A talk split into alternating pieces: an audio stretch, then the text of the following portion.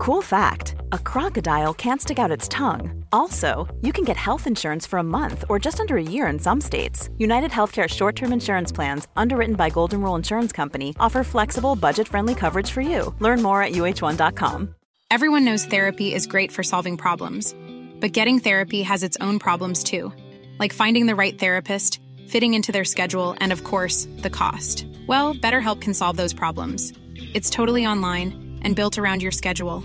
It's surprisingly affordable too. Connect with a credentialed therapist by phone, video, or online chat, all from the comfort of your home. Visit betterhelp.com to learn more and save 10% on your first month. That's BetterHelp H E L P.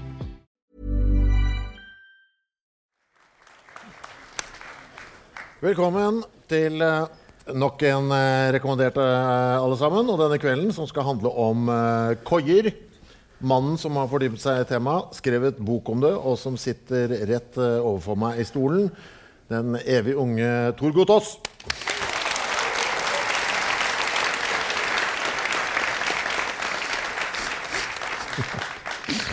Må du sitte med beina samla i hele dag, Tor? Jeg hører det i buksa. Ja. Og det er midt på foran? Midt på foran. Hvordan, hvordan har dette skjedd? Nei, det sprakk. Ja. Ok.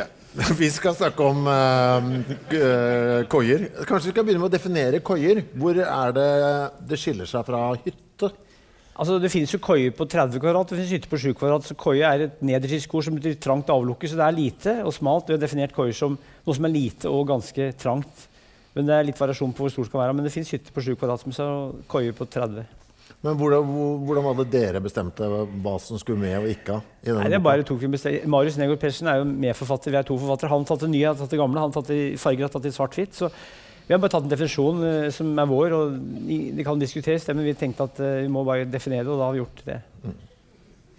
Så det er inni ditt eget hode? Ja, det er det. Du er skjønner når du ser noe om det er en koie eller ikke? Jeg skjønner med en gang. Ja, ja.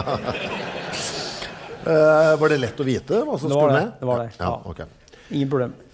Hvis vi eh, begynner med det store bildet, hvor mange koier tror du vi har i Norge? Eh, Flere titusen. Flere titusen? Ja, I 1957 var det en telling. Da var det ca. 12 000 skogssurvær som var for tømmerhoggere. Og det er jo de som ble brukt av tømmerhoggere bare. Og da var det mange jaktkoier og fiskekoier og forskjellig. Så det er mange, mange titusen. Bygges det ennå noe? Ja, ja. ja. Jeg har hus i Brumunddal, der er det koie i hagen. Jeg har mikrohus på Korsvoll i hagen. Så bare jeg har to koier privat i hager. Så den bygges hele tida. Men regner du mikrohus som en koie? Nei, nei, men altså det er halvbror. Søskenbarn. Mm, ja, okay. Denne koieiveren som vi har her til lands, hva tenker du at det sier om nordmenn Du tenker på før eller nå? eh, før? Det har noe med å gjøre at arbeidslivet krevde at folk, særlig menn, måtte bo i koier, særlig i skogen. For at I begynnelsen sov de i gapahuk. Altså, det var altså åpent, og de sov på granbar.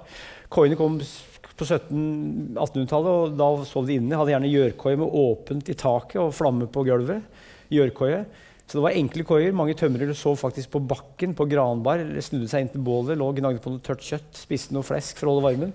Eh, eh, ganske tøffe typer, men koiene kom altså mer utover 1800-tallet. og Da var det en framgang i forhold til før. Så koiene kan virke enkle etter i dag, men det var veldig fint da, for da kom de i hvert fall i hus. Eh, du nevnte jo et par ord der. Skal vi bare ta et par av de eh, begrepene rundt de forskjellige bygga? Ja. Gapahuk og Gapahuk. nying. Gapahuk er jo da at det gaper Det, gaper, altså. Jeg, for meg er jo gapahuk Jeg kan egentlig ikke forklare det, men nying er jo flamme som brenner utafor gapahuken. Eh, og gapahuken ble brukt særlig i tømmerfløtinga om våren, for da, da var det luftig og varmt, så de sov i gapahuk. Altså en slags eh, Skråstil. ja, skråstilstak, ja, og åpent foran. Det er gapahuk om nying foran, flamme foran, som brant hele natta på lange stokker. Ok, Så det er et bål, rett og slett? Bål, ja, ja, ja. Selehus. ja. Hva er det for noe? Jeg så det i boka di. Står det det? Ja. Gamra sånne Ja, ja, ja, altså, ja, ja, ja, går, det altså, som, går det som koier? Vi har, vi har tatt med gammer, for at i, nordpå så det heter jo skogstur ofte i Trøndelag. Og det kan hete kule, faktisk. Det kan hete skøyte i Telemark. Så gammer er med i koiebetegnelsen i boka. Og vi har jo stoff fra Lindesneslen, Finnmark. Så det er, halvbrødre og slektninger. og det er forskjellige måter å bygge det på. og for han Storhans, han eneboeren oppe i Femund, han bodde i en gamme, men vi kaller det koie.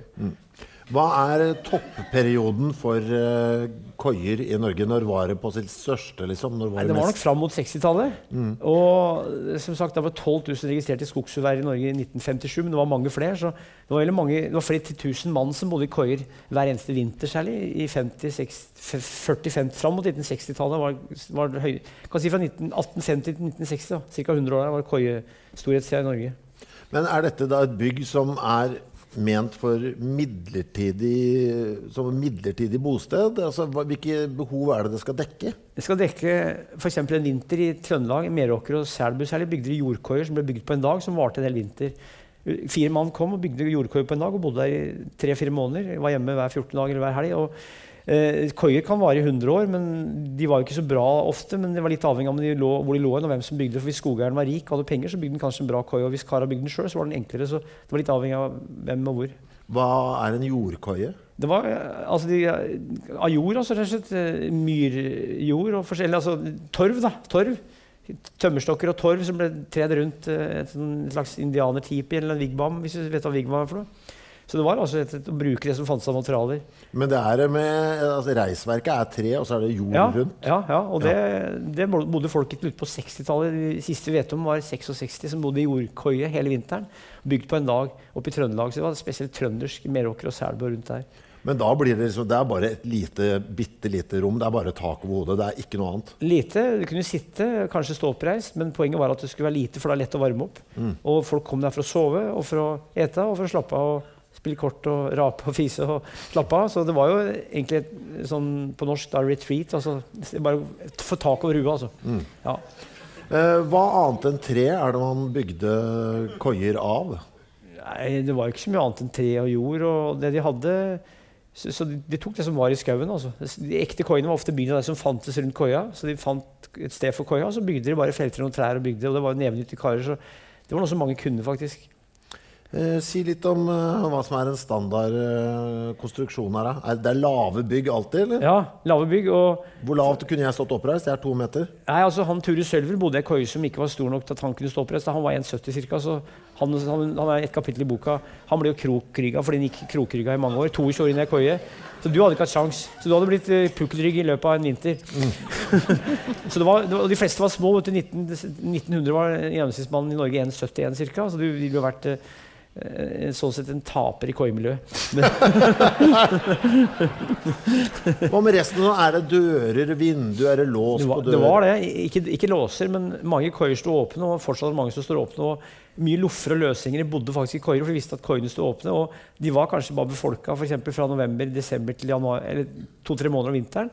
Så det var åpne resten av året, og folk brukte de. Så mange lå der og bare var altså uteliggere, eller lovlige uteliggere i koier som de visste fantes. Og der var det ved, og de kunne slå seg til rette, ta seg til rette og bo der. Det var vanlig. Men de som da hadde eh, reist koia og. Eiden, eie den, hva syns de om at det kom uh, loffer og sånn rekende forbi? Det spørs hvis det var f.eks. en skogeier som hadde reist koia. så det kan godt at han likte at koia ble brukt, bare de tok vare på det. Og det ble de stort sett gjort, for folk hadde respekt for koier og fyrte opp ordentlig og rydda. Så det var nok ikke så mye problemer i Norge egentlig med det. Allemannsretten gjelder jo i dag òg. Altså, litt sånn som DNT skytterlag, at folk hadde respekt for det. Så det er ikke et problem sånn historisk sett, tror jeg. Hva med isolasjon og sånn? Det er jo på, gjerne brukt på vinteren, dette her. Ja, det var jo koier hvor folk det snødde inn eh, og, og, blåste inn. Så det var jo mye utette koier. Men problemet var jo, eller faktum var at det, hvis det var mange som sov i ei koie, 10-12-15 mann, 20 mann, så var det en fordel at det ikke var så tett, for det, det, er jo ventilering. Så det var et poeng ofte at det ikke skulle være så helt tett, altså, for det, da ble lufta tett òg, så det skulle være litt sirkulasjon. Så det var rett og slett at eh, folk var ikke vant til å De som jobba ute i minus 10-20-30 kuldegrader, de, de tålte at det ble litt kaldt om natta. Så det, det, var ikke sånne puddinger som oss. Det var ordentlige mannfolk. Så de, de tålte å ha det litt eh, kaldt om natta. De frøs fast i veggen kanskje, men de våkna neste morgen. var det noe fyring og sånn? Det var jo, altså I, i, i gjørkoiene var det jo flamme på, på, på, på gulvet. og så var det åpent i taket. Det var gjørkoie.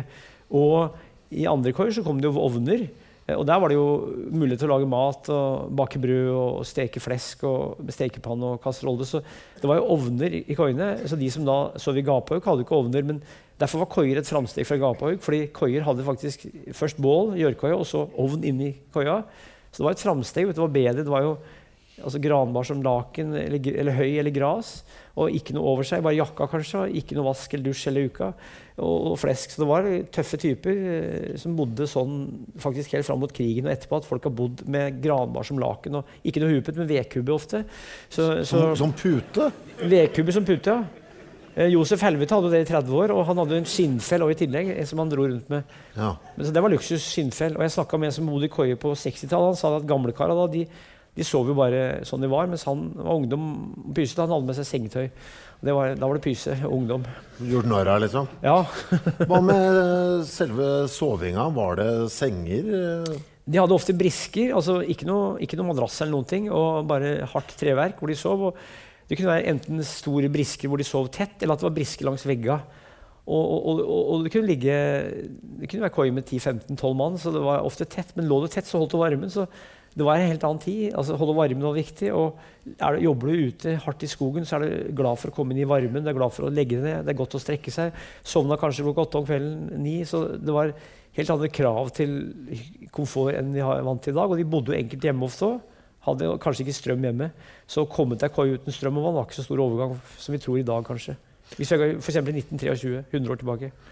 Men uh, dette var jo sant, et primært, primært et sted for å sove, eller? Ja, sove. Ja. Eta og sove.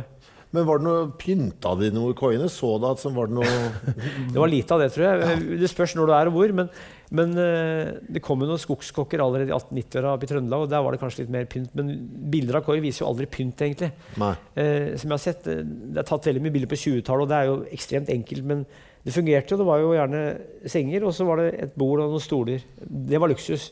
Eh, hvis det var bare brisker og ovn, det kunne også være det. Altså bare brisker å sitte på og ligge på, og ovn å lage mat på. Tok de seg bryet med å lage en utedass når de først hadde lagd en koie? ikke, så, ikke så tidlig, men utpå 30-40-tallet kanskje, så begynte de å få utedass. Men det var mange som ikke hadde utedass, for de dreit jo bokstavelig talt i det.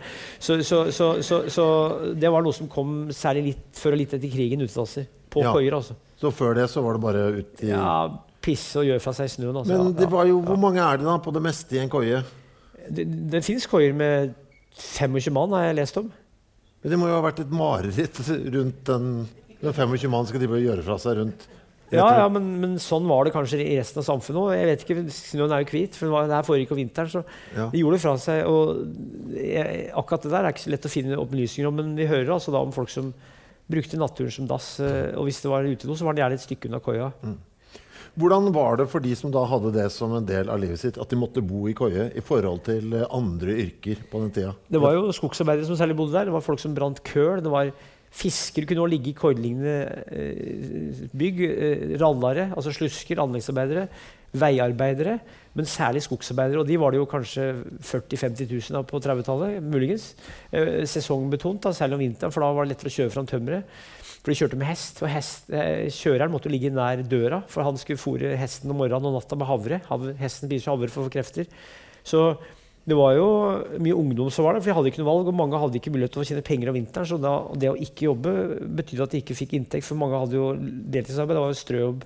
Jeg hadde kanskje småbruk og jobba der om sommeren. Og så var det kanskje noe tømmerfløting om våren, og så var det tømmerøks om vinteren for de som fikk det. Så det var rett og slett for å overleve. Altså. Det, var ikke noe, det var nok et samhold og kanskje litt såkalt romantikk, men det var jo brutalt hardt. Vasse rundt i snøen.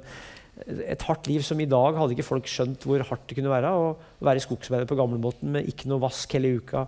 Eh, leve på flesk, sukker og mjøl, eh, kaffe. Eh, dårlig mat, dårlig tannstell. Hvis de hadde noe problem med helsa, så var det ikke noe lege. Så det var et røft liv. altså.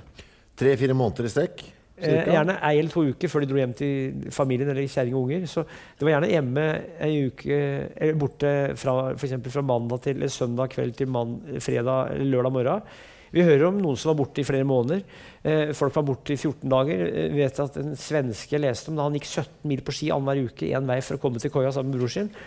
Far til Alf Prøysen tror jeg lå borte ganske lenge i Sverige. Han bodde i Ringsaker. Så noen lå borte i månedsvis, noen lå borte i ukevis. Men det var stort sett bare menn som bodde der. Noen kår hadde som sagt kvinnelige kokker, men det var mest i Trøndelag. Kommer det folk på besøk, eller? Når de er på lenge borte? det var nok det. Det var nok det. Det var jo folk som skog, skogmester, hvis det var en skogsjef eller skogeieren eller en eller annen tømmermåler som kom på besøk. Så det var jo sosialt. Og Nei, det, var, det var helt sikkert eh, artig å bo i koie hvis du var ung og sprek og tålte det arbeidet og sov om natta. Men jeg har snakka med karer som begynte å bo i koie, og det var jo forferdelig mye rapping, altså snorking og forskjellige lyder og dårlig luft. Men de var mye ute om dagen, så det fikk, ble kanskje utlignet, altså jevnspilt. da. I, ja, hvis du skjønner? Ja. Ja. Men sykdom og sånn må jo ha spredd seg som et uvær? Tuberkulose var det jo en del av. Og vi hører om en koie i Femund hvor det lå 23 mann som hadde influensa samtidig. i koia. Eh, og det er ganske jævlig, men tuberkulose var jo en, Fra 1890-tallskrigen så døde det 250 000 cirka, av tuberkulose i Norge. Så, men, men, de som høgg tømmer måtte være ganske sterke, og de som var sterke, var ofte bra helse. Så vi hører ikke så mye om dårlig helse som vi skulle tro. For de, tål, de som ikke tålte det, de klarte ikke å være med på det, og de kutta kanskje fort ut. Og det var jo akkordarbeid, du fikk jo betalt så mye du gjorde. Så du måtte være ganske sterk for å tåle det der, tror jeg. Og ung og sprek, gjerne. Hva er den minste koia dere kom over? Fem kvadrat. Fem kvadrat? Mm. Der bodde det en mann. Seks-sju mann? Ja, ja, ja. Såkalt kuk i ræv. men altså, klarte de dette praktisk? Nei, men altså, Hvis du har en to-tre høyden eller en briss, så det er ganske, du får plass til mange på fem kvadrat. Altså. Ja. Jeg sjøl bodde i ei koie på fire kvadrat, og der var det god plass. Ja. Så, så der var det dame som har bodd i flere år. 90 år gammel dame. Så, ja. Hva er den største koia dere kom over? Nei, rundt 30, kanskje. 35, og noen hadde to etasjer, faktisk. Da var hesten i ene etasjen. Eller hesta. Så hesta bodde i ene etasjen. Så, I første, håper jeg? Eh, jeg tror det var andre. Nei. jo, jo. Nei. Jeg tror det. Mener du det? Jeg tror det, ja. Hesten opp? Nei, jeg er kanskje i første. Ja, ja, ja. Men det må, åssen er det altså, du, altså, hest, det lukter jo. Ja, altså Lukta var et problem, men da måtte de gjerne isolere eller beskytte mot lukta. For, men, men, folk var vant til Hesten gikk jo dreit, og det var jo noe som, hestelukt var noe som eller møkk var noe folk var vant til. så det var ikke noe problem i Norge i 1923. Mm. Hva er vi vant til i dag? Vi er vant til andre ting som ikke folk var vant til da. Så det er noe med tida òg. Mm. Folk hadde andre preferanser enn de har i dag. Men når dette blir bygd så kjapt, disse mm. byggene som du gjør, og du sier at det var liksom viktig at det ikke var så godt isolert, eh, sånn at det kunne trekke litt Det var ikke så farlig, i hvert fall. Nei, nei, nei, Men det må jo, altså, da kommer jo ting, levende ting inn også. Jeg tror mus og lopper og Det, det, var en koie i Vassfaret som ble sagt at det var så store sprekker i veggen at det var en hakkespiss som hadde flydd gjennom hele koia. og ut igjen. Ja, ut igjen. Ja, ja. Uten at vingene kom borti. eh, det kom jo krav om standard eh, på koiene etter hvert. Det gjorde det i 1915 ca. Og det kom da, og så kom det etter krigen. Så det var jo krav. Og mange levde jo som dyr. Jeg har jo snakka med folk som har bodd i koie på 30-tallet. Det var altså Granbar som, som, som, eh, som, Han var hos Josef Helvet for øvrig. Han, mm. han, Granbar som laken. Og høy og gras. og veldig dårlig hygiene. Men, men det var nok òg en disiplin i koiene, står det i boka. For det, kildene sier det, at de, de prøvde å være så renslige som de var vant til hjemmefra. Og det var jo en annen standard kanskje vi har i dag. Og mange spytta jo på gulvet, men det ble også forbudt å spytte på gulvet i tømmerkoier. Spytta snus og, og tobakk. Så det, det var visst verre i Norge enn i Sverige at de spytta mer på gulvet i Norge enn i Sverige. Og det tok slutt, så det ble et forbud. Og, og det var myndighetene som gikk inn og sa nå får dere lov til å spytte på gulvet? Ja, for det har noe med tuberkulose å gjøre, for de mente at tuberkulose kunne smitte gjennom spytt. Ja. Tror jeg. Så det har noe med det å gjøre. Du sa et eller annet i stad om at uh, det kom skogskokker ja. uh, til etter hvert. Hva, hva, er dette for noe? Det var i Trøndelag i 1890. da, I Namdalen kom det skogskokker. Det var damer som lagde mat. For de fant ut at hvis kara spiste, spiste, bedre mat, at de slapp å lage maten. For det tok lang tid å lage mat. Hvis det var damer, var bra for miljøet, bra for hygienen. Uh, og Du ser jo fine bilder i boka. Du har sett boka, har du ikke det? Ja, ja. ja. og det var ei ei køye hvor det var så liten plass at kokka måtte sove på bordet. vanligvis hadde de et hjørne, noen hadde eget rom. Men det var jo gjerne unge damer da, som påtok seg frivillig, og som kunne bake opp i 20 brød om dagen. Altså, om dagen, Og da var det 100 kilos mjølsekker som ble kjørt opp med slede, eller dratt opp med hest. Så det var utrolig mye arbeid. De lagde jo frokost, de lagde jo gjerne eh, middag. Og, og, så, så, det var litt av en jobb, det. Og damene var ofte ganske unge. Og det her varte fram til 50-tallet, 60-tallet faktisk. Særlig i Trøndelag. Ikke så mye på Østlandet, men Trøndelag. Og det var rett og slett for å få mer ut av kara. For da når eter du bedre, så arbeider du mer det var, det var, både fornuftig og kanskje litt hygienisk og med tanke på at de hadde bedre trivsel òg. Ble de da ansatt av skogseieren? Ja, disse skogskokkene? Ja. De fikk jo betalt for, kanskje for måneden eller for uka. Og så en sesong på tre-fire måneder, mens Kara jobba akkord. Hvor, hvor, lang er arbeidsdagen til en sånn skogskokke? Det var så lenge det var lyst. De begynte vel når det var lyst og slutta når det ble mørkt. Så det varte jo, I desember var det kortere enn i april. hvis de holdt på da. Fra desember kanskje til mars var vanlig å jobbe tre-fire måneder. Så det var nok ikke så lange dager. Eh, noen hadde pause midt på dagen eh, i skogen hvor de satt og drakk kaffe og kanskje spiste. Og, mens andre dro tilbake til koia, litt avhengig av hvor langt de bodde under, eller jobba under koia. fordi det var gjerne flathogst før krigen. Vet, at de måtte, eller plukkhogst, plukkhogst, hvor de høgg litt innimellom. Senere kom flathogsten ved store felt, hvor de lå gjerne ved et stort felt. mens ellers lå de eh, ved skog hvor de ble høgd litt innimellom, hvor de blinka. Men har du fått noe inntrykk av hvordan det var for en uh, ung dame å begynne å jobbe på et sånt sted? I, I boka så er det faktisk veldig positive skildringer. For det var damer som var unge og spreke. Og vi vet jo det at uh, folk var jo kåte før òg, men jeg tror ikke det var så mye overgrep i, i koiene. Eller, eller, det var jo litt puling, da, men det var jo Du kan si at, at de som forteller om det, de, de, de, de har altså nesten et rosenrødt skjær over det. Men det er jo eldre damer som snakker om, snakker om ungdomstida si, som var og, og, og, da tror jeg, Hvis du går til 30-tallet, så var det jo forskjell på I dag er jo kjønna ganske, eller det er flere kjønn da, i dag, men da, altså, da var det to kjønn. da, eh, og, og, da var det arbeidsdeling. Og da var det nok en veldig respekt eh, de hadde for kara, og motsatt, for de hadde jo veldig tøft arbeid, de kokkene. Og kara hadde tøft arbeid, så det var en respekt, tror jeg, gjensidig respekt med det arbeidet de gjorde. da. Så det var nok, det var nok var det godt betalt, da? Denne, å være skogskokk? Jeg tror jeg faktisk det var. For det var så intenst arbeid. Det var jo, om ikke sju dager i uka, så var det i hvert fall eh, en dame som bakte altså 20-30 brød om dagen. Altså, fordi det bodde 25 mann i koia. Da er det ett brød om dagen på hver. Hva slags uh, mat er det de trenger, disse skogsarbeiderne? Mye tung mat. Flesk, sukker, mjøl. Eh, det var forskjellige retter som de kokte sammen. Flesk gikk jo ofte rett gjennom kroppen og bare ut uten at det tok opp næring av det. Så det var mye vomfyll. Men det kom mye billig flesk fra Amerika eller USA eh, på slutten av 1800-tallet. Så det var mye amerikaflesk. Eh, og folk hadde med seg fløte, smør, flatbrød, kjøttmat. mye kjøttmat, mye tung mat. Altså ikke så mye grønnsaker. Det kom først litt etter krigen. Men det var mye, mye tung mat. altså. Mm. Det er noen uh, matuttrykk i boka di ja. som jeg lurer på om du kan oversette for meg, hvis du vet hva det betyr. Ja. Sluring. Ja, slure det er vel noe som er av mjøl og flesk og sukker, som det er mjøl. som jeg vet, ja, tror jeg. Det er litt forskjellige betegnelser på det samme. Okay. Det er litt forskjellig i Trøndelag og på Østlandet. Munch er noe som heter det òg. Ja. Det er vel flesk og mjøl, det òg. Råjokk. Ja, det var noe av det samme, det òg. jeg prøver meg på en siste. Altså. Kusebræse. Ja, det er jeg litt usikker på, faktisk. Ja. Hva med jakt og sånn? De er jo ute i skauen. Blir de jakta nå, eller? Det var mange som uh, jakta av de som høgg tømmer, men det er ikke sikkert de hadde tid og overskudd til å gjøre det. For at, uh, de kunne kanskje jakte om høsten før høgsten begynte. Så det var nok mye jegere. Elgjegere, f.eks. De er jo ofte på barmark. Så, men jeg tror ikke de hadde tid til å jakte så mye, for det var jo mørkt vet, om kvelden. Mm. Så de gikk inn når det var mørkt, og da var det å slappe av, spille kort, røyke, ligge rett ut. Veldig mange røkte. Ekstremt mange røkte i koia. Pipe. Mange røkte pipe. Lå og prata. Etter, etter, krigen kom radioen. Hørte på radioen, hørte på nyheter, værmelding. Norsktoppen. Eh, ønskekonserten. Vet du nå hvordan koielivet forandra seg når du plutselig fikk radio? For da har du kontakt med omverdenen igjen plutselig. Da ble det en del av verden, og det var etter krigen. For det var ikke mange som hadde radio før krigen. Folkemottakerne kom på 30-tallet. Og i 1946 så ble det delt ut over 1000 radioer i norske koier. Og jeg snakka med folk som bodde i koier før etter radioen kom, og det var en helt annen verden. Da, da syntes gamlekarer at det bråkte, for da var det populærmusikk. Det var jazz, kanskje. Mm. Det, var, det, var, bråk. Det, uh, før det var det helt stille. så Motorsaga kom jo samtidig etter krigen, så da begynte det å bråke i, i arbeid med motorsaga. Og så kom koiene, var det bråk om kvelden med, med, radio. Men det var gjerne NRK, det var én kanal. Og det var ikke så mye Det var ikke, så mye, det var ikke, det var ikke akkurat heavyrock på radioen på 40-tallet, men det var mye salmer og mye andakter og forskjellig, så det var en annen verden. Mikkjel Fønhus han hata radioen. Ja. Han var jo født på 1890-tallet. Han syntes radioen var noe herk. Han likte jo heller ikke biler.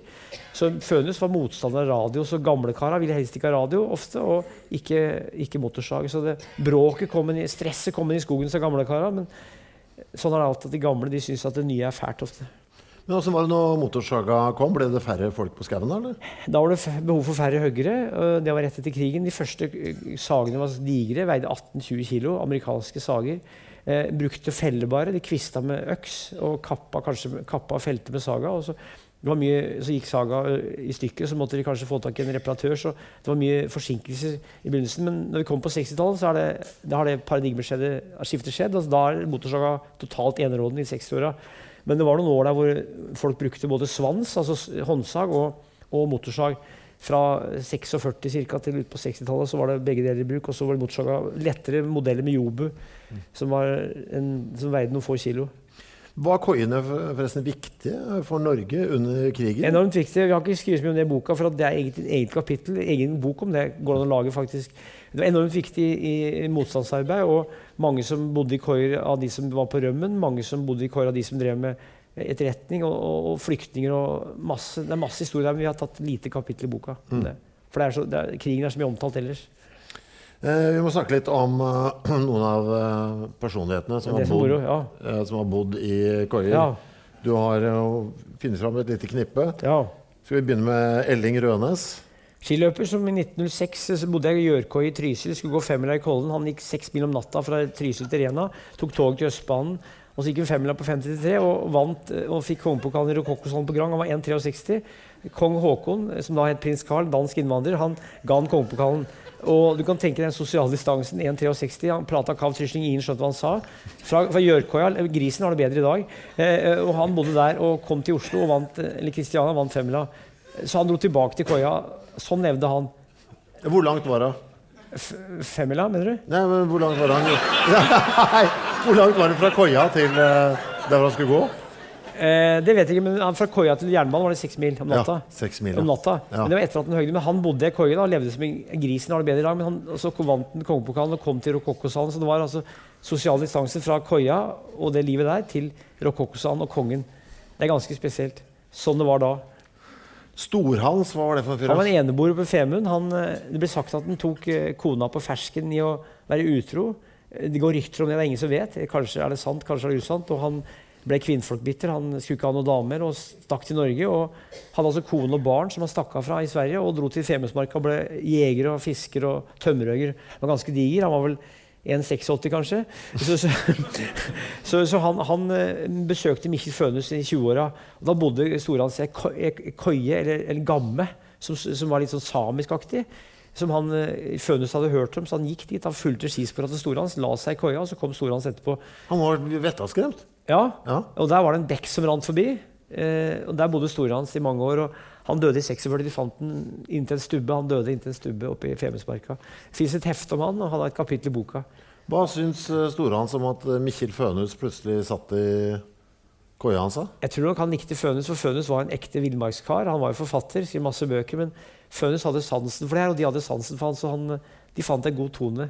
Fønus Fønhus var jo da rundt 30 år, og Storhans var jo 60 år kanskje, så, eller over 50 i hvert fall. Så de, det var hver sin generasjon, men de hadde veldig bra dialog, de ble sagt. Altså, de fant tonen. Hvor lenge bodde han aleine i denne koia, tror dere? Han bodde i flere, han hadde flere koier. Ja. Koier og gammer. Det var jo 30-40 år i hvert fall, tror jeg. I flere koier og gammer oppe i Femundsmarka.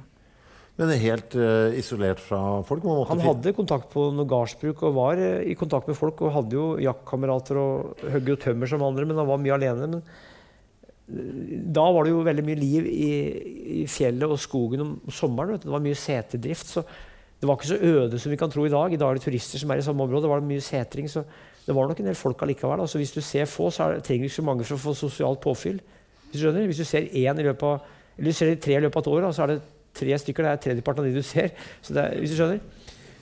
Ja, for Jeg får jo et inntrykk av disse som eh, velger et liv i koie. At det er eh, einstøinger Ja, og, det jo det. og, og, og raringer. Det er jo det, ellers så blir de det. Ja. For, at, eh, for at det er jo noe med at hvis du er alene, sånn som Josef Elvebakken, som bodde 30 år i koie, ja. han, han var jo veldig spesiell i utgangspunktet og ble jo bare mer spesiell. Og var jo sammen med de fjerdingsikarene, de brødra. Som, som hadde en tann på, de tre brødre ei tann på deling. Eh, og og, og de, var jo, de var litt av noen typer, de òg. Så de var jo et eget sånn miljø oppe i, oppe overfor Dokka. Så det er klart at eh, Jeg har ikke klart å finne én kvinnelig eremitt som bor sånn. Så det er bare mannfolk ja. som ender opp som eneboere. Har du danna deg noe inntrykk eh, av hvorfor det alltid ender opp med å være menn som bor aleine i en hytte ute i Det har noe med jobben å gjøre. I gamle dager, for at eh, Josef, de Alle de i boka er jo skogsarbeidere, så alle har jobba i skogen. og Det har vært veldig få kvinnelige skogsarbeidere. jeg vet om noen få, eh, Men, men, de, men de som var, det var jo menn, og de, de hadde jo da jobben sin der. og Hvis du driver lenge nok i skogen, så blir det jo ofte litt einstøing. Særlig hvis du ikke har noen andre folk rundt deg. så det var, det var jo folk som Josef flykta jo fra mye. Eh, Det gjorde Storans òg. Ofte de som bodde sånn, de flykta fra et eller annet. Og det kunne være en kvinnfolkhistorie som lå bak. Men det er ikke sikkert de sa noe om det, men det var ofte det som lå bak, tror jeg. Jeg tror vi tåler å høre litt om Josef Helvete en gang til. Ja, ja. Vi har snakket om Ja. han her tidligere. Ja. Fordi uh, Vi gir en kjapp introduksjon på hvem han er, før vi snakker om koielivet hans. Født 23.3.1900, vokste opp eh, bortpassert hos Gudbran Gudbrand og Kristian Elvebakken på østsiden overfor Dokka. Eh, Han bodde der fra han var sju år, og plassen ble kalt Helvete. Der, derfor ble han kalt Josef Helvete. Og han var i fengsel, han var på Reitjern og Presseter, institusjon på, for psykiatri på Reidsvoll. og han bodde i koier fra 1930 til 1960, 30 år alene i to koier. Eller hovedsakelig to koier. Flere koier, da, men han bodde særlig én koie på fem kvadrat, og så en til. Så han var koiebor i 30 år. altså. Ja. Hva slags eh, fasiliteter hadde han i koia? Det var han som hadde en skinnfell og vedkubbe som hodepute. eh, Og en brisk. Lå på en brisk, altså på harde, harde trevirke. Han var ikke så nøye på hygiena. Han vaska seg ikke, han brant klærne en gang i året. Så han, eh, han eh, fant ut at møkka isolerte både mot eh, varme og mot kulde. Og det er noe med at hvis du gror ned i møkk, så, så, så gir det kanskje jeg vet ikke, en slags trivsel. jeg vet ikke. Så, så, så han mente i hvert fall det. da, altså han, han, han, var indi, var indianer. altså Han levde jo som en indianer. Hadde langt hår. og nei, Så det var litt av en type. det er Josef Helvete. Det fins mye fine bilder av han som er i boka. Det, du har sett de? Ja, ja. Ja, ja. Eh, Åssen var kosten hans? Han spiste det han fant. Han jakta mye og, og var som et dyr. Han spiste alt han hadde. og da lå noe, Sånn som kua lå ørta, lå, som har fire mager. Da. Han lå fordøyde maten i flere dager. gjerne. Og så spiste han på nytt. Så han, han åt, mye, åt mye mat og åt veldig fort. og hadde dårlige tenner, så han fikk ikke tygd så mye. Men, eh, men, eh, men han, eh, han levde jo på gammeldags tung mat. eh, Mye flesk og mye animalsk føde. Flatbrød, sukker, mjøl. Ja, ting, Det som folk spiste før i tida. Han var jo en overtroisk eh, type. Han trodde jo på sånn tusser og skrømt og sånn. Trodde på huldra. Ja. Men det, det var ikke overtro, sa han. Nei. Det fantes, og Jeg snakka med en kar som ble 103 år, som døde i fjor. Han hadde sett huldra. Så den gamle kara trodde på huldra. De sa at huldra forsvant da strømmen kom. Så, så, så, så, så, så, så det, det var, For Josef var huldra ekte. Altså. Han prata med huldra, han så huldra. Det var en, en dame med langt lyst eller langt mørkt hår. Så, så, så jeg snakka med han karen på 103 år, og han sa det, var ikke noe kødd. Han var helt overbevist. Huldra hadde sett, hun fantes. Så, så det, det var ikke noe å diskutere. Hvordan beskrev han Huldra, han? Han andre, Ja. ja. han, 103, han beskrev Huldra som uh, halvt uh, hest og halvt menneske. Oh, ja. Så han så, eh, hadde menneske, menneskeoverdel og så hesteunderdel. Det var Huldra for han. Snakka Huldra? Ja. Ja. Og dansa og, og, og, og lo. lo. Ja. Sånn, ja, ja. Så, syns han Huldra var skummel, da. Overhodet ikke. Nei. Så de, de, likte, de kara likte Huldra, så Huldra Ja. var kjærkommen gjest. Og det kan være hvis du sitter og fantaserer om damer, at du, at du ser ei dame eh, og Det er noen som har sagt trodd at kanskje det har med væskemangel å gjøre. Hvis du, har, hvis du er dehydrert, eller hvis du eksempel har lavt blodsukker. At du hallusinerer. Jeg har sjøl gått på ski og hallusinert, sett lys i lufta og begynt å høre lyder. så det er mulig at Hvis du sliter nok og er trøtt nok, så kan du begynne å se ting som ikke er der. Og særlig hvis du tror at det er der. Eh, Josef Helvete likte jo å, å, å, å lese. Ja. Ja. Er det en ting som går igjen med disse koiene? At det er bøker der? At det, er det som er Etter hvert så var det nok en del som leste, for de hadde god tid. Josef leste mye Hans Bøhler, mye Mikkjel Fønhus, leste mye aviser. og Han gikk jo rundt i østsiden og, eller på østsiden og, og fikk tak i aviser, så han, han var rett og slett belest. Altså, og, og, og skrev litt dikt. og nei, så Flere av de jeg skriver om, var etter tida ganske bra belest, vil jeg tro. Er hyttebøker en del av koielivet også? Er det koiebøker? Er det, har det hjulpet dere når dere har vært eh, ute og skrevet om eh, koier? Liksom, Hyttebøker. ja, at det er, liksom, er det et system på koiene også? Vi, vi, vi, har, eh, vi har vel egentlig holdt oss unna hytter, men Ja, men jeg tenker, Har koiene det samme? Altså, noen har det. Noen, ja, noen, Ja. noen, ja, det fins koiebøker, ja, det gjør det. Ja, det gjør det. Og, og, men det er litt, kanskje litt annerledes, for i koia så På hytta er det gjerne en familie som har bodd og som er eid, og kommer tilbake på ferie i påsken og forskjellig, mens koiene er mer i dag, da, moderne koier er mer ferie- og fritidssteder, mens de gamle koiene var jo arbeidsplasser, eller de var der for å arbeide. Og da fantes det ikke noe særlig koiebøker, men det finnes koiebøker om nye koier som er mer fritids- og lekebruk. Ok. Så hvis jeg oppsøker en koie nå jeg, Hvis jeg blir koiegal etter denne kvelden, har lyst til å dra på en av koiene til eh, DNT, Ja. må jeg forvente å måtte skrive meg inn i noe? Du må ikke, men det fins sikkert en koiebok der. Ja, det det. jeg tror det, Ja, ja. Du eller flere folk som har bodd i eh, koier. Jeg er blitt veldig glad i Ludden. jeg. Ludden er et type, ja. Ja. Så bildet med han? Så ut som en Aukrust-figur. Han gjør det, ser ut som Ludvig i, i Flåklypa. Vet du om han er inspirasjonen? Jeg tror nesten det, for at det, det er en type i Avna som er inspirasjonen for Ludvig. Men det er, det er personligheten som type, mens han Ludvig Ludden i her, han er jo utseendemessig helt lik en. Ja, og navnet litt likt også. Ludvig Olesteigen fra Mesterli, født i 1887, død i 1935. Så han er altså en type som August, hvis, August visste om han, som han sikkert har gjort for at eh, han, er, han bodde jo på Sjusjøen i en sju kvadratmeter stor koie eller hytte. Så det, må, det, er ikke overraskende hvis August har visst om han. altså. Hvordan endte Ludden opp i en koie? Han, faren hadde ei koie, for han drev og jakta fiska på Sjusjøen. Så koia ligger på Kuåsen, litt i le. Det er veldig lunt akkurat der. Det er mye vind på Sjusjøen, men det er, det er lunt. Og Ludden hadde flere koier. hadde jaktkoier. Det, det hendte at den lot seg snø ned om vinteren. Hvis den gikk seg vill om natta, så lot den seg, snø ned. Eller om kvelden. Så våkna han neste dag, og så gikk den videre. Eh, eh, og han, han overlevde jo hver gang. da. Eh, eh, og han, han endte opp der og, og likte å jakte og fiske og var jegerfisker og var hjalp med å bygge hytter. For at det er hytter på Sjusjøen bygd allerede tror jeg, først er 1889, rundt der. Så han var med som grunnarbeider på hytter, han var med og bar planker, han var med og frakta bagasje for turister i påske. Så han var en slags hjelpemann for turister og levde billig. Eh, han gadd ikke å sage ved, så han hadde tømmerstokk som han dro inn døra. Eh, etter hvert som han trengte, så stokken dro han inn døra. Så døra står åpen, så Ja. brenner en tømmerstokk? Ja, så dro han inn etter behov, ja. Etter, Ja, så bare mata han Ja, på, mate, liksom? mate han på, ja, ja, ja. Og så hadde han ikke dass, han dreit på en planke og kasta ut møkka. Og så, og så hadde han ikke dyna. Og så Vent litt nå. Som en, som en katapult, liksom? ja, ja, ja, ja, ja. Men ut den allerede åpne døra hvor, Ja, ja, ja, ja. hvor tømmerstokken er på Ja, vei inn? ja, ja. Så tøm, tømmerstokken inn og bæsj? Stokken inn, ja, ja, ja. Ble jevnspilt. av det. Men fordi han, ikke, fordi han syntes det var praktisk, eller fordi han, Han var rar? Eller fordi... Etter 25 år så fikk han en dass. og Det var en kar som bygde en dass for etter 25 år. Men Ja. Han bodde der i 25 år. Han, han hadde frakker som dyne. Da han døde, så fant de en del frakker altså Folk ga ham frakker, da. Så han hadde ikke dyne. Men han, eh, han bodde der, og han eh, trivdes, han. bodde ja, hvor gammel er han når han får seg do for første gang da? Nei, jeg ville tro at han var eh, kanskje 50 år. Ja. eh, Rundt der, ja. Men det var ikke vanlig å ha dass da. vet du, så Folk var ikke vokst opp med dass ofte. så Det var ikke så mange som hadde dass da han vokste opp i 1890. Da var det ikke vanlig å ha do oppi der i Mesterli. Så det var noe som kom etter at han ble voksen. Det. Kanskje. Ludden han likte jo ikke navnet sitt. Nei, han, han het jo Ludvig Olestengen, men likte ikke at han ble kalt Ludden nei. Og var litt, hadde fin bart og var litt kjekk kar, syns jeg. Eh, sy, f, ja. det så litt, litt sånn ut som Chaplin, Ja. altså sånn i klesstilen Ja, ja, og ja. ja, den type boms. Veldig, ja, altså, men, men var, var, jo, var jo en artig kar. Mutter'n møtte han faktisk. Mor er født i 42. Hun lever ikke noe, men hun traff henne på slutten av 40-tallet. Han likte unger. Han hadde ikke noen unger sjøl, men han fikk, hadde ikke noen dame. Kjæresten fikk en venninne som het Metzel Mitzi, som var flyktning fra Østerrike-Ungarn. Som jobba på tuberkulosesanatoriet oppe i Mesterli. Eh, Så de ble venner. Eh, Ikke kjærester, men venner. Hun var en del yngre enn han. Så han, han, hadde, han hadde litt kontakt med henne. Og han bygde ei hytte til som han donerte til huset når han døde. Så 55 av slag så fikk hun den hytta som hun bodde i etter hvert. hun også. Men uh, køya hans står ennå, gjør den ikke? Den Kan- står, den er tatt vare på av Brøttum Storlag, Veldig fin. På Kuåsen, hvis du kjører inn fra Storåsen, så er det Kroksjøen og så Kuåsen til høyre. Der ligger Luddenhytta på sju kvadrat. Men det er koie, da, for det er hytte på sju kvadrat. Veldig fin og autentisk. og Jeg var der første gang i 1973 cirka, da er jeg 50 år siden. Jeg var da guttunge, for vi hadde hytte innpå der. Så, så det er veldig artig å se hvordan han levde. Altså. Han, han, øh, det var ganske enkle forhold. Altså. Han hadde også hytte på Kroksjøen, og så hadde han flere kårer i terrenget hvor han sov rundt på jakt og fiske.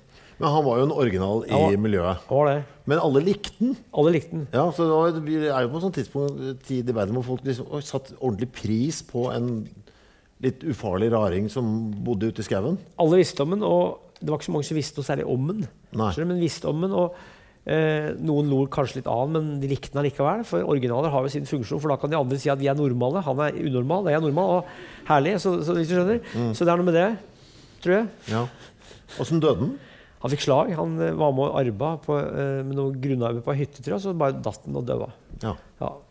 Men de tok vare på hytta i hvert fall. ja, hytta er tatt vare på. Det er jo 68 år siden nå, så den, den er står akkurat som hytta til han Ture Sølver, hvis du skal spørre om han òg. Ja. Ja.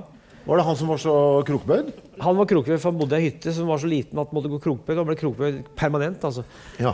Luciveg heter hytta på Tostenåsen. Han bodde der i 22 år. og Han var jo tømmerhogger i Canada på 20-tallet. Og så holdt han på å fryse i hjel. drukne, holdt på å drukne og fryse i hjel. Altså, han holdt på å drukne i isvann. Så han ble redda av en eh, innfødt. Og han eh, fikk da skrekken for kulda resten av livet. Fortsatt som tømmerhogger, likte alle varmt. Så han satt, satt i hytta og fyrte og spiste havregryn.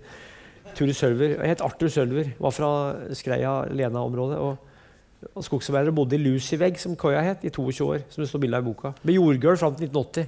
Men hvis han er livredd for å fryse, Ja. hvorfor endte han opp i en koie? Eh, Det har jeg lurt på, jeg òg. Men han, han var, han var altså han likt, mislikte å ha det kaldt. Altså, han var vel, når du arbeider i skogen, så blir du varm. Eh, men han arbeidet seg varm og gikk på ski. Eh, så det var mer at han ikke likte å fryse. Men hvis han bodde i koie og fyrte, så holdt han varmen. Men det var jordgulv. Altså. Han bodde i koie med jordgulv fram til 1980. Det er ganske utrolig.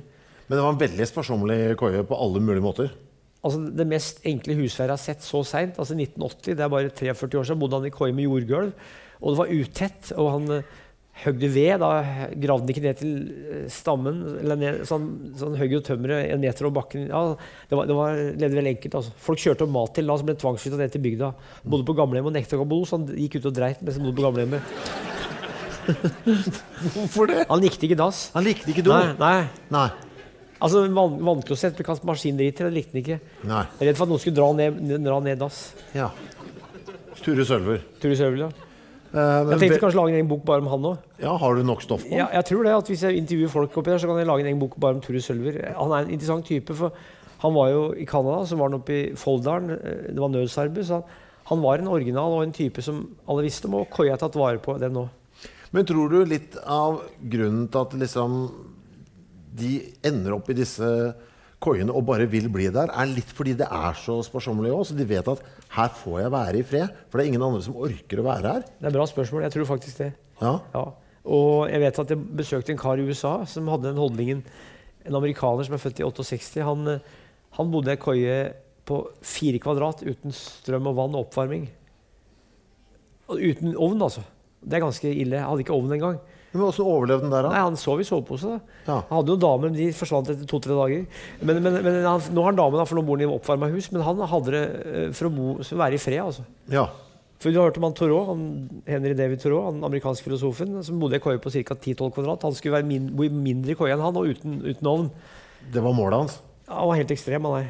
Han bodde et par år i ei koie på 4 kvadrat uten ovn. Jeg har vært i den koia. den er- Den er, det er bare et lite sånn hundehus. altså. Der bodde han i to år uten ovn. altså. I norsk klima i Maine. I Maine. Hvor, hvor høyt er det?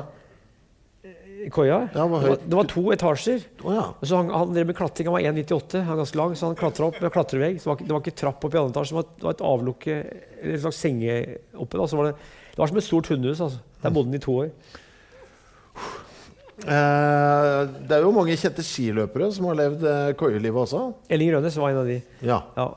Og Lauritz Bergendal, som var født i 1887, trente i koia, trente i månelys, var ute om kvelden. Ofte så kutta de dagen, så de gikk på ski før det ble mørkt. Kanskje fra tretida eller halv fire-tida, litt avhengig av det ble mørkt. Og etter krigen har vi Gjermund Eggen, som ble verdensmester i 1966. Ole Elvsæter er nevnt i boka. Pål Tyllum, OL-mester i 72 på femmila. Så de beste skiløpere fra 1970-tallet hadde ofte vært skogsarbeidere og bodd i koie deler av vinteren eller høsten. Så Det var helt vanlig i Norge og Sverige og Finland. Og I tillegg hadde de samlinger i koier hvor de lå i koia og høgg halve dagen og trente. Og arba og trente annenhver dag, f.eks. Mm. Det var fra 30-tallet fram til mot 1970, faktisk. Det dukker opp et uttrykk i, i boka deres. Ja. Uh, hold kjeft-koier. ja. Hva er det for noe? Det er jo, han, Marius har jo skrevet bøker om hemmelige hytter. Så det må være det, er det ikke det? Jo. Eh, Koier som ingen vet om, bortsett fra de som har lagd den eller bygd den. Og Marius er ekspert på hemmelige hytter. Og det fins en del hemmelige hytter og koier i Norge. Og jeg har sjøl vært borti noen, og det er veldig artig, for de er ofte kamuflert i terrenget. Eh, ser ut som kanskje en stor haug eller et eller annet, så er det koie. Så Marius han har jo skrevet om noe sånt, De står ikke hvor det er, men det står bilde av det. og Det er veldig artig omtale om det, syns jeg. Jeg må si det. Det er uh, veldig mye, mange artikler i boka om spesifikke koier. Ja. For de som måtte være Det står han for. Ja, som Ja. for de som måtte være interessert i Ja. å oppsøke noen av disse koiene. Så står det hvordan man kan komme til de, og om man trenger nøkler eller ikke. For det er veldig mange av de som er uh, ulåste. Mange er ulåste, og mange steder er det gratis å ligge. Ja. Ja, og det jeg skriver om, er det gamle, og han tar det nye. Fritidslivet og friluftslivet i dag, som er litt annerledes med ikke jobb, altså, men mer for å komme unna mobiltelefoner og datamaskiner og det moderne helvete. Det er mye rare navn på disse koiene også. Ja, Firfitterud, var det det? Fi- Firfitterud er Ja. jo helt klart et spesielt Ja, ja, navn. ja. Det det, har det en grunn? Var det ikke fire damer som eide skogen, kanskje? var det det? Ja, nettopp. Jeg tror det. ja. Det er så enkelt som det. Jeg tror det var det, ja, Ja. muligens. Jeg er litt usikker. Ja. Pissutkoia. Ja, pisse ut koia.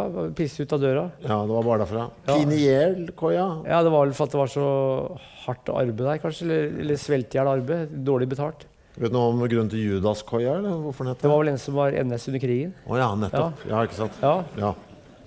Der skal man ikke være. Nei. Nei. Eh, har du, er du en koiemann sjøl?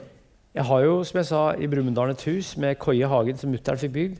Jeg har mikrohus på Korsvoll, så jeg har overnatta i noen koier i mitt liv. og Jeg har veldig sansen for det, for det er så lunt og fint og trivelig. og Det er vel, ingen, det er vel få nordmenn som har vokst opp i Norge, som ikke syns det er koselig å komme inn i ei varm koie etter å ha vært på ski. Eller, altså det er et eller annet med, et eller annet med å komme inn i varmen. Vi er jo et kaldt land, sånn som det er nå eksempel i dag. Jeg bor i hus på Korsvoll, fyrer med ved hele dagen. Jeg sitter i kortbukse og fyrer med ved. Jeg løper i kortbukse i skogen da, så det er noe med at eh, Og så ler du av Ture Sølver. Du sitter Sitter i kortbukse og fyrer med ved. Ja, ja. Nei, men altså, altså poenget, poenget er at eh, hvis du har opplevd kulda, som de fleste nordmenn har gjort, og jeg har gjort det på, mye på ski, så er det godt å komme inn i noe varmt og godt. Så det er et eller annet romantisk og idyllisk med det som, som, som i hvert fall eh, jeg syns er veldig fint. Men oppsøker du koier sjøl også, som du ikke har vært i før? Bare vet du, nå skal jeg ut, gå på ski, Marius har gjort det mest. Jeg jobba som lærer i friluftsliv. Da var jeg noen koier i Nordmarka, men Marius er mer en friluftskar. Jeg, jeg, jeg bor egentlig i ei koie på Korsvoll, har jeg følelsen av. Huset er ei koie eller hytte, hytte, så jeg trenger ikke gjøre det. Jeg lever mer hyttelivet, koielivet til hverdags, syns jeg sjøl. Det er jo rundt 1970 at det for alvor eh, liksom bikker nedover Ja. med koier. Hva er det som skjer da? I 1960 så ble bilsalget i Norge fritt. Flere fikk moped. Det var flere skogsbilveier. Eh, Motorsaga kom, det var færre i skogen. De trengte ikke bo i koia. Det kom flyttbare hvilekoier. hvilekoier. Og da sank alle koieboere sterkt fra 1960 til 70. Det var noen som bodde i koie i 70, 80 og 90 år òg, men det var ikke så mange, for da dro de hjem hver dag eller hver kveld, og det kom høgstmaskiner. Så fra å være kanskje 40 000-50 000 i skogen, så var det plutselig kanskje 1000 mann eller noen tusen mann som drev på. Så det er en blanding av eh, teknologi, bedre teknologi, bedre maskiner, og at eh, folk foretrekker å være hjemme. Men det står veldig mange koier der ute fremdeles. De fleste er i bruk. For almenninger for eksempel, de har gjerne tatt vare på koiene. Leier ut på åremål eller på enkeltvis. Airbnb kanskje òg. Så det er masse koier i bruk. Tusenvis, mange tusen. Og sånn som Ludenkoia er tatt vare på. Mange stand har folk, venneforeninger tatt vare på. Jeg holdt et foredrag i sommer i et sted som heter Majorstuen. En Koie som het Majorstuen på, i Høstbør utenfor Brumunddal. Det det er utrolig mange som har tatt vare på det. Altså. Så Norge er virkelig et både hytteland og koieland. Hvis eh, noen eh, lurer på hvordan man kan ta i bruk disse koiene, Står i boka. står i boka, så er det da flere nettsteder man kan gå inn Ja. på. Statskog.no, fjellstyrene.no eller DNT, som Ja. sier. Jeg er ikke noe ekspert på det, det er Marius som har tatt seg det, men jeg Ja. er mest opptatt av det gamle. vet du, Svart-hvitt-historien. Ja. Du, Vi må snakke litt om uh, alt du har bedrevet i det siste. For det er jo ikke bare koiebok. Nei. Altså, det har vært et veldig produktivt uh, år for deg. Det kom en bok om Petter Northug i august som het viljeskalle. Hva er det du tenker at du kan få ut av Petter Northug nå, som vi ikke allerede veit? Mye, for at jeg kjente den fra 2006. og vi har hatt 75 samtaler. 75 samtaler, Og han har prata om alt. Det, er, det heter jo treningshistorien, så det er mye om trening. Men i perioder har han ikke gjort noe annet enn å trene, så det, livet dreier seg om å trene og hvile. Så han er en artig kar, eh, og han, eh, han har mye opp i huet. eh, Veldig kjapp i huet, god, god replikk, så det er moro å ha samarbeid med han. Vi har lagd en podkast over 25 episoder hvor han prater i 25 episoder uten at jeg sier noen ting. Men hva er det hva, hva er det dere snakker om? I fem, eller han snakker om i 25 episoder? Han snakker om oppveksten. Han, eksempel, han, er jo, han er jo veldig tilfeldig født. For Faren var ungkar i 1983 som skulle være med Karolinen opp i Tydal. Og Han løp, for der var det fest. Han skulle prøve å se dame. Og Han løp og ble tatt inn av en svenske. Svenske, Så spurte Jon Northug hvordan går det Det er varmt, sa svensken. Han svensken han strøk med han daua.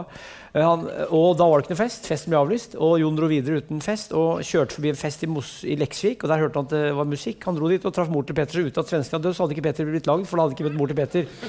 Da han avla seg med en annen dame, para seg med en annen dame og fått en annen unge, så hadde ikke Northug-filmen eksistert. Det står i boka. Eh, og og eh, for eksempel Det var det ingen som visste fra før. Nei. Ja, det er mye han har fortalt Det er mye han har fortalt til meg som han ikke har fortalt til andre. har han sagt til meg. Men har du, har du fulgt med på Petter Northug fra liksom før han slo igjennom? Ja, Han er født i 86, jeg er født i 65, så jeg visste om han fra 2004 ca. Første gang jeg så ham på TV, var i 2005. Og Da trodde jeg han hadde hurtigspor, da, for han hadde så rask takt. Så var jeg på Kongsberg 06 da han ble norsk mester, og traff ham på en landslagssamling i 2006 på idrettshøgskolen i mai. hadde et foredrag for landslaget, og han satt og hørte på. Og så gikk han på mobilen og hørte på. Så satt han og hørte på meg, Vidar Løfshus, landslagssjefen, prate i to timer, sa ingenting. og så jeg ønsker en lykke til med karrieren, så jeg traff ham da og har møtt ham ikke så ofte, men vi har prata og hatt en god tone fra første stund. Men altså, Du jobber egentlig, Tor, for nå jeg blir jeg nysgjerrig på deg. For jeg har hatt deg så mange ganger. Altså, Når du snakker med folk, har du med deg en liten opptaker? Nei, jeg har ikke det. Nei. For jeg klarer ikke det. Det er vanskelig teknologisk. vet du. Så jeg, Du, du trykker på du, det, det, Nei, men det er vanskelig. Ok. Ja, så, så jeg hadde en, en digital Jeg hadde en gammeldags opptaker før med mikrokassett, mikrokassette, men det, jo, det går jo ikke lenger, for det er dårlig kvalitet. Så hadde jeg en digital Jeg har en digital spiller, men den, den, den, det gikk til helvete et par ganger. Og så er den vanskelig å bruke, syns jeg. da. Så jeg ha, har noterer og hører hva de sier, og husker det de sier. Ok, Så, så du hadde 75 samtaler med Ja. Petter Northug? Hvor du bare satt Da tok han opp mange av de. Ok. Som han sendte på meg på e-post. Ja, han har og- mobiltelefon. Og, ja, og så hørte du på e-postene du fikk, Ja. og, og skrev ned det du følte var riktig? ja. Men jeg noter, ja, Nettopp. Ja. Men det var en Petter. Ja. Ja. Eh, Det er den ene boka. Ja. Og så kom det en bok som het 219 timer i Amerika, som er en reiseskildring fra 2005. for jeg var, invitert til USA i 2004 på en reunion, for jeg bodde der 82-83. Men jeg var ikke russ. Jeg, jeg skulle vært russ året etterpå, så det var 20-årsjubileum i 2004. Men så drømte jeg natta før jeg skulle dra i 2004 at fly styrta, så jeg dro ikke. For før hadde jeg drømt at Lady Diana skulle dø, og hun døde. Så jeg turte ikke å Jeg var redd det var sanndrømt. Men vent litt nå. Ja. Hvor Hvor Når er det du drømmer at Diana skal dø, og når dør hun? Hvor lang tid? N- Når jeg, det, var, det var tre dager før. Tre dager før, Ja, ja. så døde hun, og så dømte jeg at flyet skulle styrte. Som jeg, hadde flybillett til Montreal i 2004, i juli. Mhm. Så drømte jeg at flyet styrta. Tre dager før jeg skulle dra, så tenkte jeg faen, jeg kan ikke dra. Så Mm. jeg håpa ikke at flyet styrta, men jeg, dra, jeg dro ikke. Men så dro jeg året etterpå, i Mm. 2005 i mai. For å kompensere for den turen jeg ikke kom til da, i 2004, så dro jeg året etterpå. Det ble en reiseskilling som het 219 timer i Amerika. For jeg var der i 219, eller jeg var der i USA, så dro jeg fra Logan Airport, så så jeg på klokka, og så tenkte jeg jeg har vært der i 219 timer. Så det er en bok ut av å ha vært i USA i 219 timer. Hva skjer på disse 219 Utrolig mye.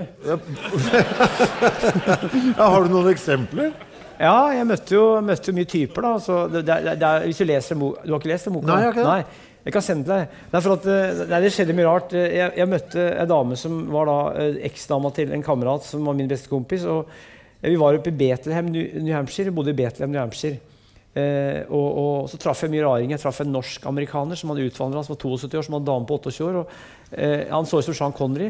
Eh, jeg møtte John Benoit, olympisk mester i, i løping i maraton, som jeg løp sammen med borti Freeport i Maine. Så det, det skjedde mye rart. altså Mye rare møter og typer, originaler. Eh, ja, altså, den tror jeg du vil like, den boka, for det er din type opplevelser og tanker og assosiasjoner om USA. Men eh, er dette en bok som noen har bedt om, eller? er Nei. Nei. Så da bare, mens du da holder på med Petter Northug-bok og Koie-bok og sånn, så bare skriver du da dette sånn innimellom, eller? i, i mai, i, i april 2018 så har jeg skrevet en bok om Brå som kom ut i 10. oktober i 2018. Men i april 2018 hadde jeg mye ledig tid. Og da skrev jeg hovedsakelig boka, så flikka jeg på noen finpussene i år. Så jeg skrev mesteparten i april 2018, for det er jo bare 108 sider. eller noe sånt. Så det er en liten bok, men, men så det var noe jeg gjorde for at øh, det var en helt uplanlagt, vanlig tur. Og så tenkte jeg hva er det som skjer hvis du ikke planlegger noen ting? Det skjer mye rart. vet du.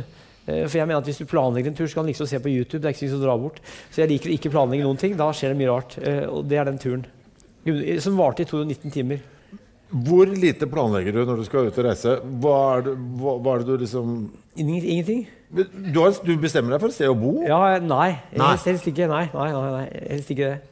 Hvordan, hvordan løser altså Når du lander på flyplassen, hva er det du gjør da? Nei, Jeg må jo finne et sted å bo. da. Ja. Men hva, ja, er det, Leter du etter en koie i skauen, eller tenker du Spørs spørs hvilket land jeg er i. ja, Men snakker du med folk, eller hva er det du På 80-tallet så så jeg mye ute. Jeg var mye, haika rundt og så mye ute. Jeg var jo ut, leiste rundt og haika og og så mye ute. Det var moro. På 80-tallet jeg var veldig ung, så, så var det moro å sove ute. Da var det poeng å ikke sove inne. For moro skyld. Men, men nå er det jo pensjonater, billige hoteller. Jeg, jeg var i Australia i fjor. Da var jeg på hostel, altså ungdomsberget. Eh, så, så fortsatt bor jeg, nå bor jeg bare på enerom da, på herberget. Jeg vil ikke bo på dorm, for det, jeg syns jeg er litt for gammel til det. Men, men, men, men det, det, jeg liker å ikke planlegge. Det syns jeg er morsomt. Hva er det du har med deg på tur, da? Nå har jeg med en laptop kredittkort, pass og ørepropper. Nei, kortbukse og genser. Og én underbukse ekstra. Ja. Hvis du skal være borte i to uker, bare én underbukse ekstra? Jeg var borte i tre uker før jeg hadde vel en underbukse ekstra. Jeg kom til Australia så lurte de hvorfor jeg var der. Jeg er på businesstur, så jeg, så hadde jeg ingen bagasje. Altså, du er akkurat hva slags business jeg drev. altså, De skriker og blir stoppa i tollen. Ja, for jeg hadde så liten bagasje. Ja, Ja, altså, Jeg ble stoppa i, i tollen for jeg hadde så liten bagasje. ja. Men det, altså, selvfølgelig gjør du det. Du Det er det mest mistenksomme jeg har hørt om. Ja, Men jeg har, har notatbok òg, som jeg har notatbok. Så jeg noterer. Så har laptop, notatbok, kredittkort, pass og ja, ørepapir. Ja, men hva, Hvordan kommer du gjennom en sånn kontroll? når du sier, altså, du, Det er ingen som tror på deg når du sier at det er der for business? Jo, jo, de gjør det. Hvis du er god nok til å fortelle historier. Ok. okay. okay. Author. Okay. Author, ja. Ja. ja, det er de tre, men det, var, det er vel en til nå? er det ikke? Jo, det var uh, boka om Skimuseet. Den kommer ut 2.12. Den driver jeg ferdig nå. Så den kommer ut, Det er et oppdrag. Jeg jobba på Skimuseet i 898 og var sivilarbeider militærnekter, så jeg lagde en bok om Skimuseets 100-års, eh, til 100-årsberetning 2.12. Så den kommer ut eh, Den skal være ferdig til 20. november. Kommer ut 2.12. Du, eh, Vi har jo dratt i gang en uh, ekstra kveld Ja. med oss to. eh, 15. januar Er det her. Ja, Er det 15. januar? 15. januar, Ja. Hvor er det du skriver opp disse tingene? Hvordan, Har hvordan en notatbok. du har en notatbok? men så må jeg begynne bakerst, og den er jævlig tjukk. Det er et protokoll. Der står alle avtalene i samme boka. Alle 1900 foredrag jeg har hatt. eller mange det er. Ja, så du bare slår opp hver dag, så går du inn der og ser En, om du har hvert, en dobbeltsiffer hvert, eh, hvert halvår. Ja. Men du har jo så mange Du har hatt sju foredrag bare denne uka her. Sju i denne uka her, og sju i neste uke og sju i forrige uke. ja. Ja, men Hvordan får du plass til et helt Jeg skriver jævlig tett. Ja. Ja. Gjør det. ja. Så et eller annet sted i den boka så står det at du og jeg skal møtes 15. januar. Står det, ja. Jeg hadde ikke festet meg med datoen, men du sier det da riktig. da. Ja, Men det står i boka di. Ja, ja, det gjør Ja. det. ja. Rekommandert Kristoffer Schou. Ok. Ja. Og da skal vi snakke om en eh, fyr som heter eh, Arne Ringnes. ja, En legendarisk type. Tok masse bilder av Josef Helvete, av brødrene Fjæringslien. Av Turi Sølver òg, så han var fotograf. Levde fra 1914 til 2003. Var fra Oslo, flytta til Gjøvik og Dokka. og en, Du har sett boka? Nydelige bilder. ja. Du, altså, du bare stakk den til meg sånn Ja, forbi I. Alvdal. Se, ja, se her. Ja, forresten, jeg, jeg, jeg har gitt ut den her. Kjempetjukk bok. Ja. Masse dritfine bilder. Altså, altså, og det er gitt ut på, nesten, altså på et forlag som ingen har hørt om. Det er velforening på Dokka. Eller på østsiden. Ja. Østsiden, østsiden, Og jeg så det. Det første jeg tenkte Dette er jo en, en Dette burde vært en dokumentarfilm på NRK. Altså Det er jo et, sånt, et oppdrag for nasjonen Norge å sørge for at denne boka fins Han er en legendarisk type. Og Ringnes han etterlot seg 21 000 bilder. Altså, vi, har, vi har klart å spore opp 21 000 bilder. Det fins flere. Men, og masse, han, Charles Davies, han onkelen, eksempel, han med barten. da har sett han? Så, så den gleder jeg meg til å prate om. Og han er en type som må løftes fram. Men har du da altså, var det du som fant alle disse bildene til Ringnes? da? Det er jo noe som, Han hadde to døtre som bodde i København, og de donerte hele samlingen til Landsmuseum på Dokka. Og det er en dame som heter Caroline Løvbrøtt, som har skanna de bildene. Så vi har sett gjennom, Hun har skanna, og vi har sett gjennom og tatt ut av bilder til den boka. Blant annet av Josef Helvete til den boka her òg. Svart-hvitt er magiske bilder. Også. Det er kunst. det er det.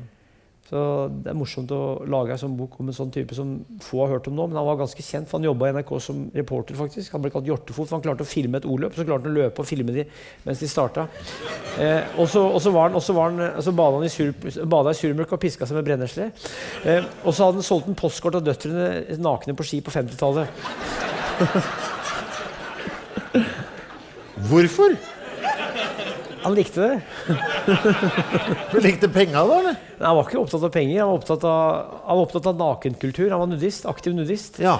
Så han var, han, han var aktiv nudist og, og, og var litt av en type. Og musiker og, og kunstnerisk type. Men han skulle, han skulle promotere nakenhet. Han, han ble tiltalt for å nak, drive na, promotere nakenkultur. Ja. Men han ble ikke dømt, altså. Han ble bare Men denne piskinga med brennesle og bading i Det var for å- av sunnhets skyld. Ja. Ja. Han tok bilde av folk som satt og dreit òg. Tok bilde av fiseringen som utvida seg. Ingen av de bildene er i boka? Mora til han som dreit, tok det og kasta de. Ja. Det er altså øh, 15. 15. januar. Ja, ja. Ja, her. Her, ja. Og da viser vi øh, bildene på Jeg, jeg tar med boka. Ja, ja, ja. Du viser bilder på storskjerm, ja? Ja, vi viser bilder. Konge, konge. Masse bilder. Vi skal snakke om bildene og se på Boka er stor, den. Ja, ja, ja, kjempefin. Ja, jeg tar den med. Jeg lurer på hvordan du da øh, får tid til dette, Tor. Hvordan er det du Fire bøker i året øh, og rekke å se gjennom øh, 20 000 svart-hvitt-bilder. Hvordan får du tid til det? Jeg begynner om morgenen og jobber utover dagen. Men eh, eh,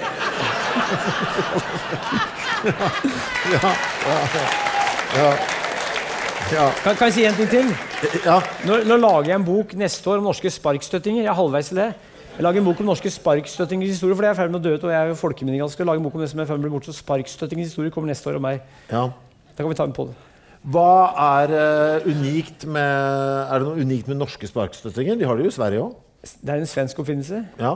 Så det kom fra Sverige. og jeg vokste opp da på 70-tallet, og da var det spark på skolen. som vi sa. 150 sparker kunne være på skolen, og det var kork, sparkkork da det ringte klokka to.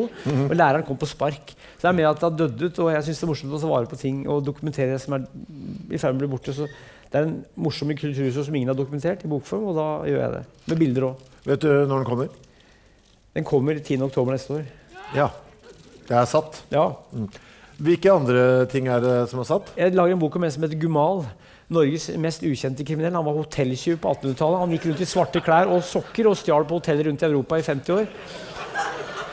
Gumal. Gumal Hjort het han. Han var 1,63 og familiens lengste.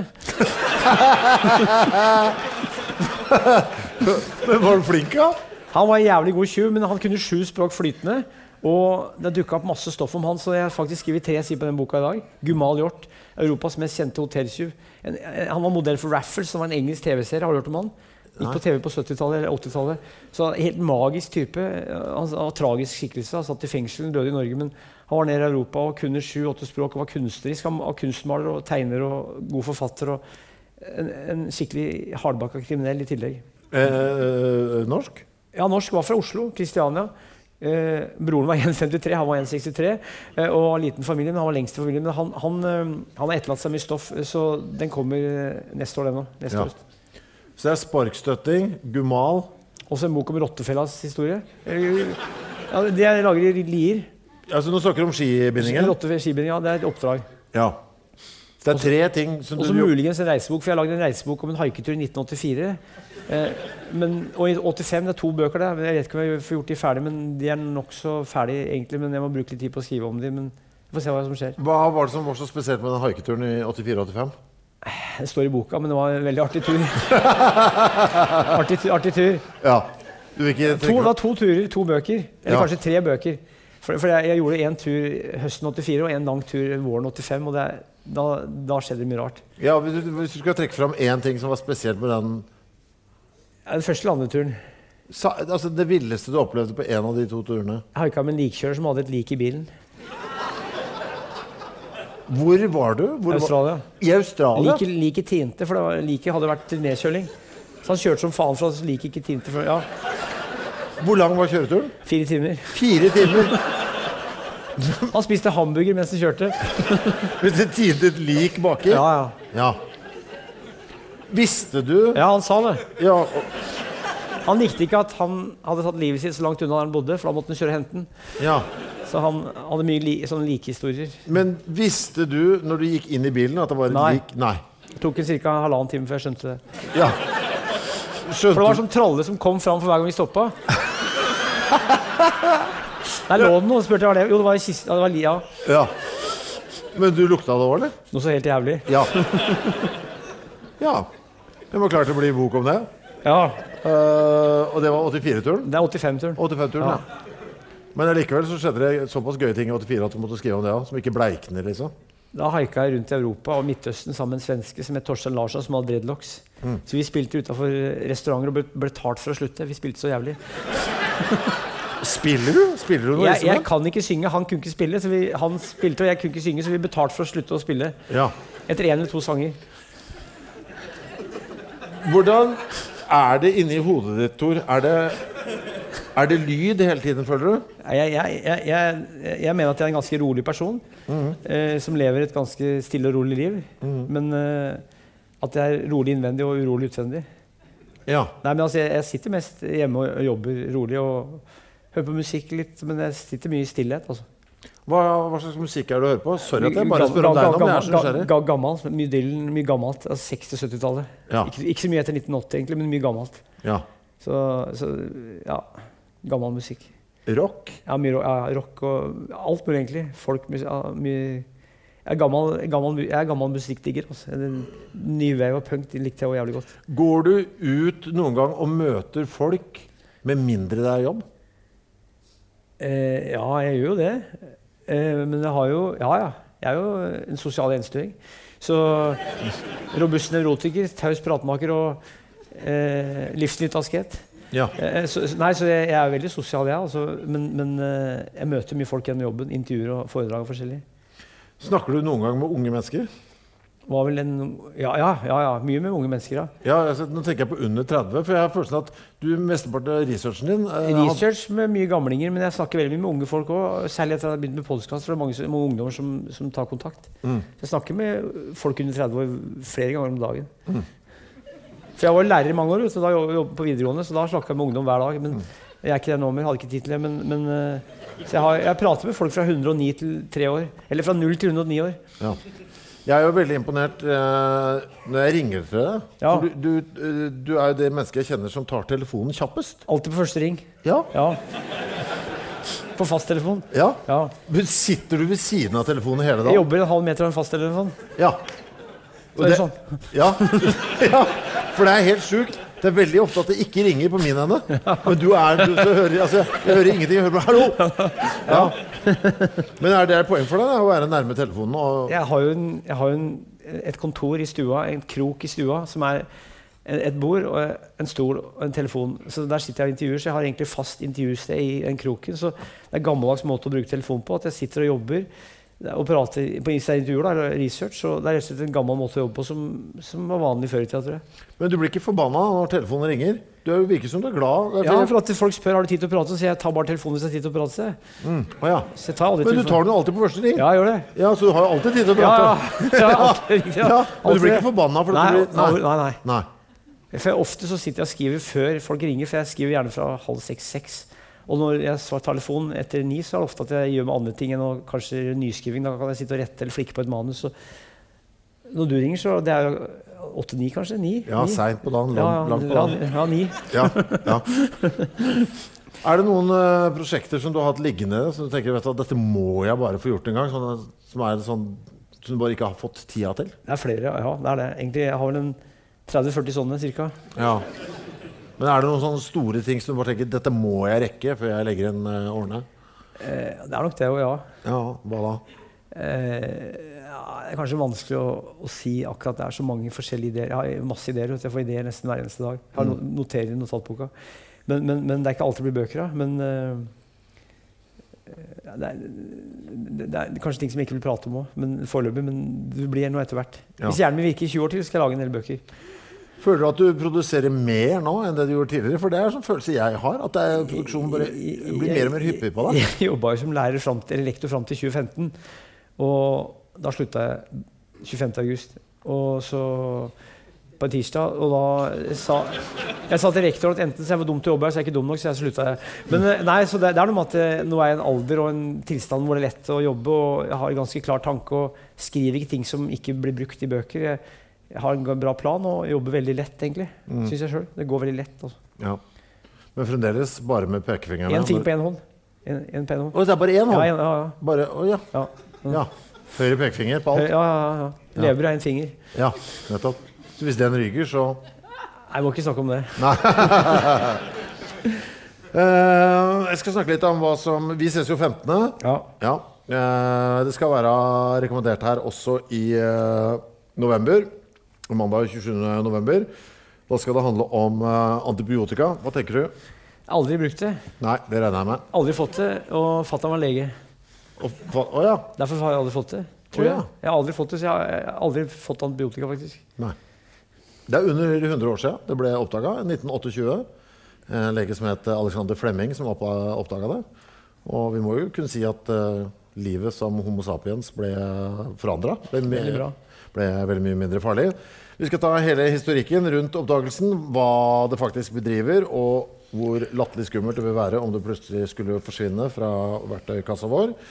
Det er Dag Beril som kommer, overlege ved infeksjonsavdelingen Oslo universitetssykehus, professor i infeksjoner. Han har forska på antibiotika og antibiotikaresistens i 30 år. Og hvis vi er riktig heldige, så kommer det til å sitte en tegneserieforfatter, eh, mannen bak eh, boka 'Antibiotika helt og antihelt', Øystein Runde, kommer til å sitte i et hjørne og tegne. Sikkert mot eh, bestilling. Det blir altså mandag 27.11. Takk for at du kom, Tor. Skal du ut og selge bøker? Ja, det er noen få igjen. Ja. Du selger det så billig, vet du. Ja, jeg gjør det. Ja, Når folk har betalt for å komme inn, må det være billig å kjøpe bøker. nettopp. Ja. Eh, motsatt eh, tankegang av meg. Ja. Tusen takk for at du kom, alle sammen. Stor applaus til Tor Gotaas. Det er bra. Det er bra. Produsert av Henry.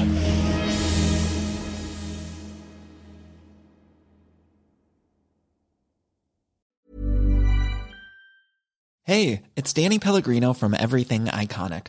Ready to upgrade your style game without blowing your budget? Check out Quince. They've got all the good stuff shirts and polos, activewear, and fine leather goods, all at 50 to 80% less than other high end brands. And the best part? They're all about safe, ethical, and responsible manufacturing. Get that luxury vibe without the luxury price tag. Hit up quince.com slash upgrade for free shipping and 365 day returns on your next order. That's quince.com slash upgrade. Mom deserves the best, and there's no better place to shop for Mother's Day than Whole Foods Market. They're your destination for unbeatable savings, from premium gifts to show-stopping flowers and irresistible desserts. Start by saving 33% with Prime on all body care and candles. Then get a 15-stem bunch of tulips for just $9.99 each with Prime. Round out Mom's menu with festive rosé, irresistible berry chantilly cake, and more special treats. Come celebrate Mother's Day at Whole Foods Market.